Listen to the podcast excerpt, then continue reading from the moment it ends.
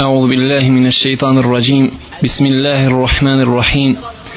الحمد لله رب العالمين والصلاة والسلام على رسول الله محمد وعلى آله وصحبه وسلم تسليما كثيرا.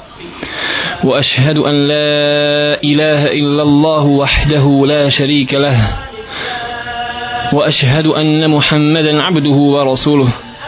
أرسله الله بالحق بشيرا ونذيرا. لينذر من كان حيا. أما بعد واشتواني سلوشاوتي السلام عليكم ورحمة الله وبركاته. بلجي إمام بخاري أي مسلم رحمة الله عليهما وصوين صحيهما ودعيش رضي الله تعالى عنها أن أم سلمة ذكرت لرسول الله صلى الله عليه وسلم كنيسة رأتها بأرض الحبشة وما فيها من الصور فقال أولئك إذا مات فيهم الرجل الصالح أو العبد الصالح بنوا على قبره مسجدا وصوروا فيه تلك الصور أولئك شرار الخلق عند الله. ودعيش رضي الله تعالى عنها دي أم سلمة. جنى الله بصنيك صلى الله عليه وسلم رضي الله تعالى عنها. spomenula الله Allahom صلى الله عليه وسلم da je vidjela kršćansku تركو. Dok je bila u hijri odnosno u iseljeništvu u Abesini pa je spomenula Allahom poslaniku sallallahu alaihi wasallam da je vidjela crkvu i mnoge slike i kipove odnosno freske koje su se nalazile u crkvi. Pa je rekao Allahu poslanik sallallahu alaihi wasallam ulaike iza mate fihim urrađulu salihu au il abdu salih oni misleći na kršćane i na židove kada bi neko umro od njihovih pobožnih ili dobrih robova beneu ala kabrihi mezida da su oni da bi oni napravili onda na njihovom kaburu mezđid osavvaru fihi tilke suvar zatim bi napravili i nacrtali kipove i slike i freske u Božjim kućama kaže Allahu poslanik sallallahu alaihi wasallam ulaike širarul halqi inda Allah oni kršćani i židovi koji su ove stvari uradili koji su napravili mezđide koji su napravili džamije na kaburovima dobrih ljudi i tako u njima nacrtali i naslikali kipove kaže Allahu poslanik sallallahu alaihi wasallam oni su najgore, najgora stvorenja kod Allaha subhanahu wa ta'ala. Tako draga braćo i sestre vidimo jasno iz ovog haditha Allahu poslanika sallallahu alaihi wasallam da su oni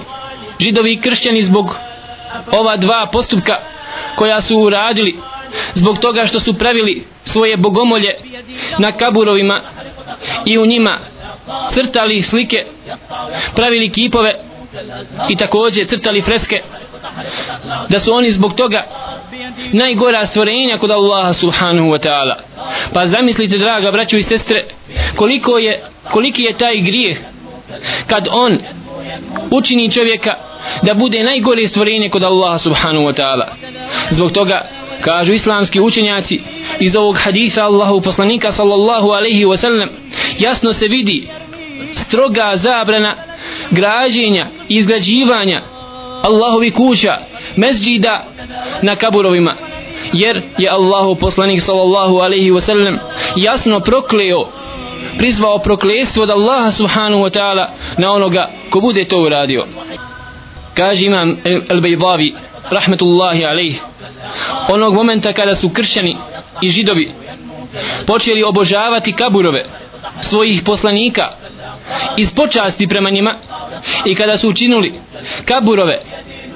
kiblom svojom okrećući se prema njima u svojim molitvama tada je prokleo Allahu poslanik Muhammed sallallahu alaihi wasallam. Iz ovoga hadisa kaže imam Kurtubi rahmetullahi alaihi da se vidi jasno upozorenje Allahu poslanika sallallahu alaihi wasallam njegovom umetu da ne čini ove stvari koje su radili kršćani i židovi zbog toga što se ovo zove sed lidherija što znači da je Allahu poslanik sallallahu alaihi wasallam zapriječio svome ummetu ovo sredstvo koje vodi ka širku Allahu subhanahu wa ta'ala odnosno da se obožaje kabur mimo Allaha jalla še'nu. Zbog toga draga braćo i sestre što ova stvar može odvesti čovjeka ka širku Allahu subhanahu wa ta'ala zabranio je Allahu poslanik sallallahu alaihi wa sallam da se obavlja namaz na kaburovima. Do te mjere draga braćo i sestre da je Allahu poslanik sallallahu alaihi wa sallam prokleo čak onu osobu koja bude uzela kabur za mjesto svoga ibadeta. I ovako draga braćo i poštovane sestre hoće uzvišeni Allah subhanahu wa ta'ala da zapriječi svojim robovima. Bilo koji put koji može odvesti njegove robove u širk njemu subhanahu wa ta'ala. Pa zato shodno tome zabranjeni namaz vjernicima da obavljaju ga u momentu dok izlazi sunce ili dok ono zalazi iz razloga što u tom momentu mušrici koji obožavaju sunce čine ibadet suncu. Pa je Allahu poslanik sallallahu alaihi wasallam zabranio kako je to jasno došlo hadisu Allahu poslanika sallallahu alaihi wasallam zabranio svome ummetu da obožavaju Allaha da obavljaju namaz njemu subhanahu wa ta'ala u momentu dok izlazi sunce ili dok ono zalazi da bi na taj način zapriječio da ne oponašaju idolopoklonike one koji obožavaju sunce u tome momentu. I ovako zabranio je Allahu poslanik sallallahu alaihi wa sallam da vjernici obavljaju namaz na kaburovima ili da uzmu kaburove za mjesto gdje će graditi džamiju gdje će graditi mezđide Allahu subhanahu wa ta'ala Allahove kuće jer to je sredstvo do širka Allahu jalla še'nu. Kažu islamski učenjaci da hadisi koji govore po ovome pitanju po pitanju zabrane ove problematike dostižu stepen tevatura, to jest da toliki broj prenosioca toliki broj ravija prenosi ove hadise Allahu poslanika sallallahu alaihi wa sallam u svakoj generaciji u generaciji ashaba tabina i etbau tabina do te mjere da je nemoguće da toliki broj prenosioca ovog hadisa se mogao složiti na neistini. Tako kažu islamski učenjaci poput imami Ahmeda imami Malika, imami Šafije a takođe i učenjaka Hanefijskog mezheba da se Allah subhanahu wa ta'ala smiluje svima njima kažu da je strogo zabranjeno haram da se uzimaju mezđidi da se uzimaju kaburovi za mezđide odnosno da se grade Allahove kuće na kaburovima bilježi imami Buharija i Muslim od Aisha radijallahu ta'ala anha قالت لما نزل برسول الله صلى الله عليه وسلم طفق يطرح خميصة له على وجهه فإذا اكتم بها كشفها فقال وهو كذلك لعنة الله على اليهود والنصارى اتخذوا قبور أنبيائهم مساجد da عائشة رضي الله تعالى عنها rekla kada je došlo vrijeme smrti na samrtnoj postelji Allahom poslaniku sallallahu alaihi wa sallam kada je došao melek smrti u tim trenucima Allahu poslanik sallallahu alaihi wa sallam je uzimao ogrtač i prekrivao ga preko lica u ovim smrtnim mukama. Na samrtnoj postelji u posljednjim trenucima ovog dunjalučkog života. I onda kada mi se malo razgalile smrtne muke fe idek temme biha kešefeha otkrio bi svoje mubarek lice od, ovo, od ovog pokrivača pa je rekao u tako teškom stanju u posljednjim trenucima svoga života draga braćo i sestre pogledajte posljednje oporuke Allahu poslanika sallallahu alaihi wasallam ili među posljednjim oporukama لعنة الله على اليهود والنصارى اتخذوا قبور أنبيائهم مساجد الله prokleo židove i kršćane zbog čega zbog toga što su uzeli kaburove svojih poslanika za mesđide nema sumnje draga braćo i sestre da čovjek kada odlazi iz svoje kuće na jedno dugo putovanje u posljednjim trenucima izlaska iz svoje kuće oporučit će svojoj porodici svojoj ženi svojoj djeci najbitnije stvari koji su vezane za njegovu kuću i za one koji ostaju u njoj. Tako je Allahu poslanik sallallahu alaihi wa sallam u posljednjim trenucima ovog dunjalučkog života nastojao da oporuči svome ummetu sallallahu alaihi wa sallam najvažnije stvari za koji su za njega.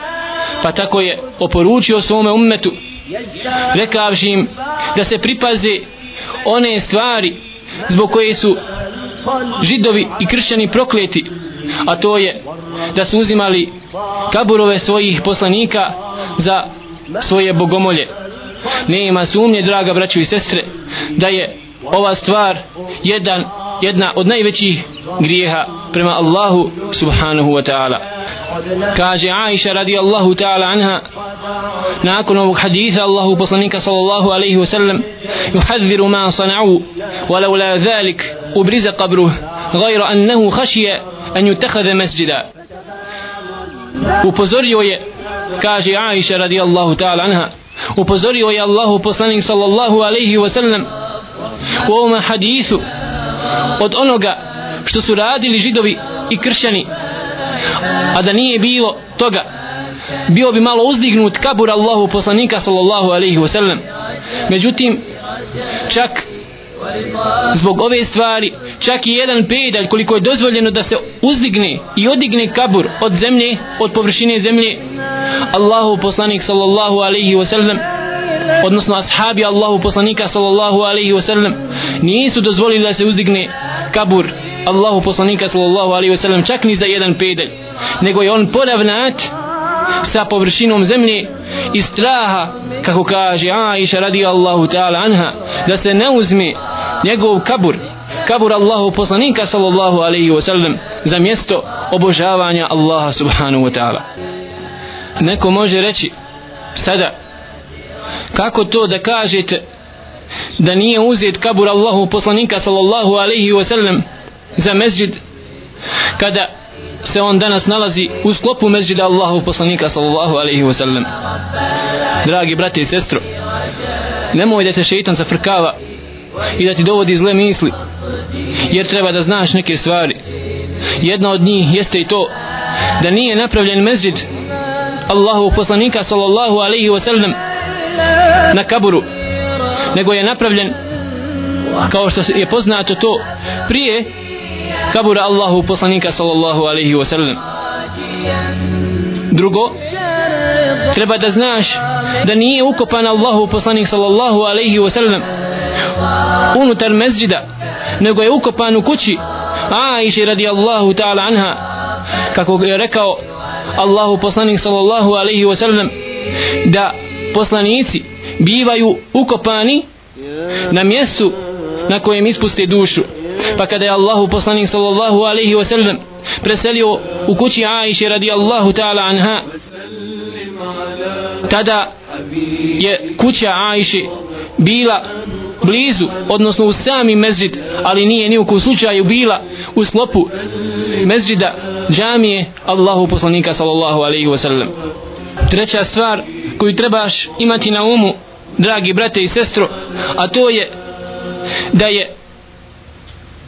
došao unutar mezđida kabur Allahu poslanika sallallahu alaihi wa sallam tek 94. godine nakon hijre Allahu poslanika Muhammeda sallallahu alaihi wa sallam kada je većina ashaba radijallahu ta'ala anhum bila već preselila Allahu subhanahu wa ta'ala. S druge strane i ono što je bilo ostalo ashaba protuvriječili su emevijama halife koji je naredio da se proširi sa lijeve strane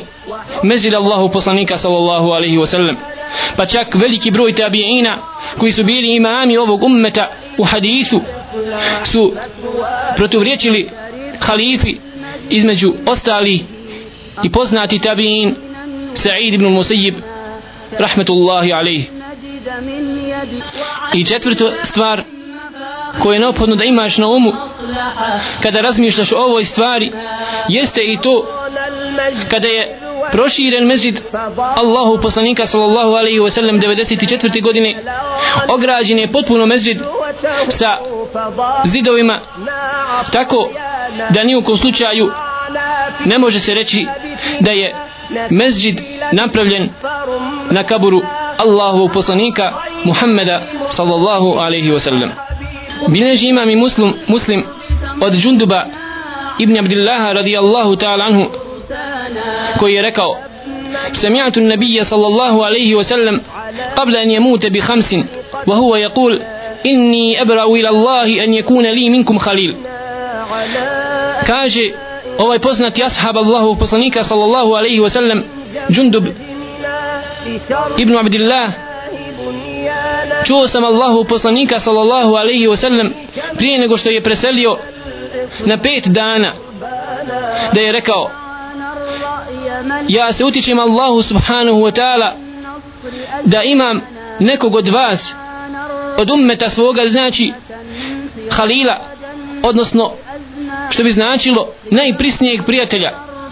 što je na ste, većim stepenu od riječi ashab. Fa inna Allah kad ittehadeni Halila kema ittehade Ibrahima Halila jer pogledajte Allah subhanahu wa ta'ala je uzeo mene, kaže Allahu poslanik sallallahu alaihi wa sallam, za prisnog prijatelja, kao što je uzeo Ibrahima alaihi salam, također za prisnog prijatelja. Tako da je Allahu poslanik sallallahu alaihi wa sallam odlikovan zajedno sa Ibrahimom alaihi salam, sa ovom najprisnijom ljubavlju, ljubavi od strani Allaha subhanahu wa ta'ala. Ali, što je rekao dalje? ولو كنت متخذا من أمتي خليلا لاتخذت أبا, أبا بكر خليلا ali kada bih nekog uzeo za svog prisnog prijatelja od svoga ummeta uzeo bi Ebu Bekra radijallahu ta'ala anhu za prisnog prijatelja ألا وإن من كان قبلكم كانوا يتخذون قبور أنبيائهم مساجد ألا فلا تتخذوا القبور مساجد فإني أنهاكم عن ذلك يوندا rekao je veoma bitne i važne riječi Allahu poslanik sallallahu alaihi wasallam rekavši ela ela znači harfu tanbih wal istiftah znači čestica kojom želi Allahu poslanik sallallahu alaihi wasallam da obrati pažnju svome ummetu pazite čujte وإن من كان قبلكم كانوا يتخذون قبور أنبيائهم مساجد pazite slušajte dobro doista oni koji su živjeli prije vas misleći na kršćane i na židove su uzimali kaburove svojih poslanika za bogomolje ala fala tattakhidhu al-qubur masajid zato pazite pa nemojte uzimati kaburove za mezđide za bogomolje. Nemojte klanjati na kaburovima. Fa inni anhaakum an zalik. Jer ja vam to zabranjujem kaže Allahu poslanik sallallahu alaihi wasallam u hadithu koga bilježi imam i muslim u svom sahihu. U ovom hadithu Allahu poslanika sallallahu alaihi wasallam imamo mnoge pouke poruke mnoge fajde. Jedna od njih jeste da se u njemu u ovom hadisu Allahu poslanika sallallahu alejhi ve sellem nalazi odgovor rafidijama šijama koji vrijeđaju Ebu Bekra radijallahu ta'ala anhu. A vidimo jasno iz ovog hadisa vrijednost Ebu Bekra radijallahu ta'ala anhu za koga je Allahu poslanik sallallahu alaihi wa sallam rekao da sam ikog htio da uzmem od svoga ummeta za prisnog najprisnijeg prijatelja. Uzeo bi Ebu Bekra radijallahu ta'ala anhu. Kažu islamski učenjaci da je ovo jedan od dokaza da je Ebu Bekr trebao i morao da bude prvi halifa muslimana za razliku od nekih sekti u islamu koji to negiraju. Bilježi imami Ahmed rahmetullahi alaih hadith od Ebu Sa'ida al-Hudrija radijallahu ta'ala anhu da je rekao Allahu poslanik sallallahu alaihi wa sallam al ardu kulluha masjid illa al maqbara wal hammam da je, mez, da je zemlja sva zemlja učinjena za masjid mjesto gdje čovjek može obaviti namaz Allahu subhanahu wa ta'ala osim greblja i nečista mjesta poput kupatila. Iz ovog hadisa Allahu poslanika sallallahu alaihi wasallam su islamski učenjaci uzeli dokaz u slučaju da bi neko se ukopao unutar mezđida da je obaveza muslimanima da iskopaju njegov kabur i da ga prepomjeste. S druge strane ako bi bio kabur prvo pa onda neko došao i napravio mezđid na kaburu onda biva obaveza muslimanima da sruše taj mezđid koji je napravljen na kaburu jer je Allahu poslanik sallallahu alaihi wa sallam jasno rekao fa inni enhakum an zalik ja vam to zabranjujem. To jest ja vam zabranjujem da obavljate namaz na mjestima gdje imaju kaburovi. Kaže šehhul islam ibn, ibn Taymiye rahmetullahi alaihi a što se tiče gradnje mezđida na kaburovima većina islamskih učenjaka jasno je to zabranila shodno jasnim i vjerodostojnim hadisima Allahu poslanika sallallahu alaihi wasallam. I na ovom stanovištu kaže šehhul islam stoje učenjaci hambelijskog, malikijskog i šafijskog mezheva a što se tiče učenjaka hanefijskog oni kažu da je ta stvar mekruh ali jasno se vidi da oni podrazumijevaju pod time mekruh et tahrim ili mekruh tanzih što znači mekruh koji je izuzetno blizu haramu. Kaže imam Zajla'i rahmetullahi alejhi poznati učenjak hanefijskog mezheba u djelu šerhul kenz wa yukrahu an yubna ala al-qabr i pokuđeno je da se pravi građevina na kaburu kaže Ibn Nujaym u komentaru riječi imam iz Zajla'ija da on podrazumijeva da je to haram. Također kaže poznati učenjak hanefijskog mezheba Qadi Khan annahu la yujass la yujassasu al-qabr wala yubna alayhi. Da nije dozvoljeno da se kabur ogradi sa nečim kao što je beton ili da se uzigne ograda ili turbe ili da se nešto napravi na njime. Također kaže imam an-Nawawi rahmetullahi alayh u dijelu Šerhu muhadzab da je strogo zabranjeno graditi apsolutno bilo kakvu građevinu na kaburu. I u ovom kontekstu odnosno u značenju ovome isto je spomenuo to i u komentaru Sahihu Muslim. Kaže Ibn Rušd poznati učenjak malikijskog mezheba da je imam Malik pokudio a poznata stvar da imam Malik je često podrazumijevao pod riječi pokuđeno da to znači haram da je zabranjeno praviti apsolutno bilo kakvu građevinu na kaburu kao što je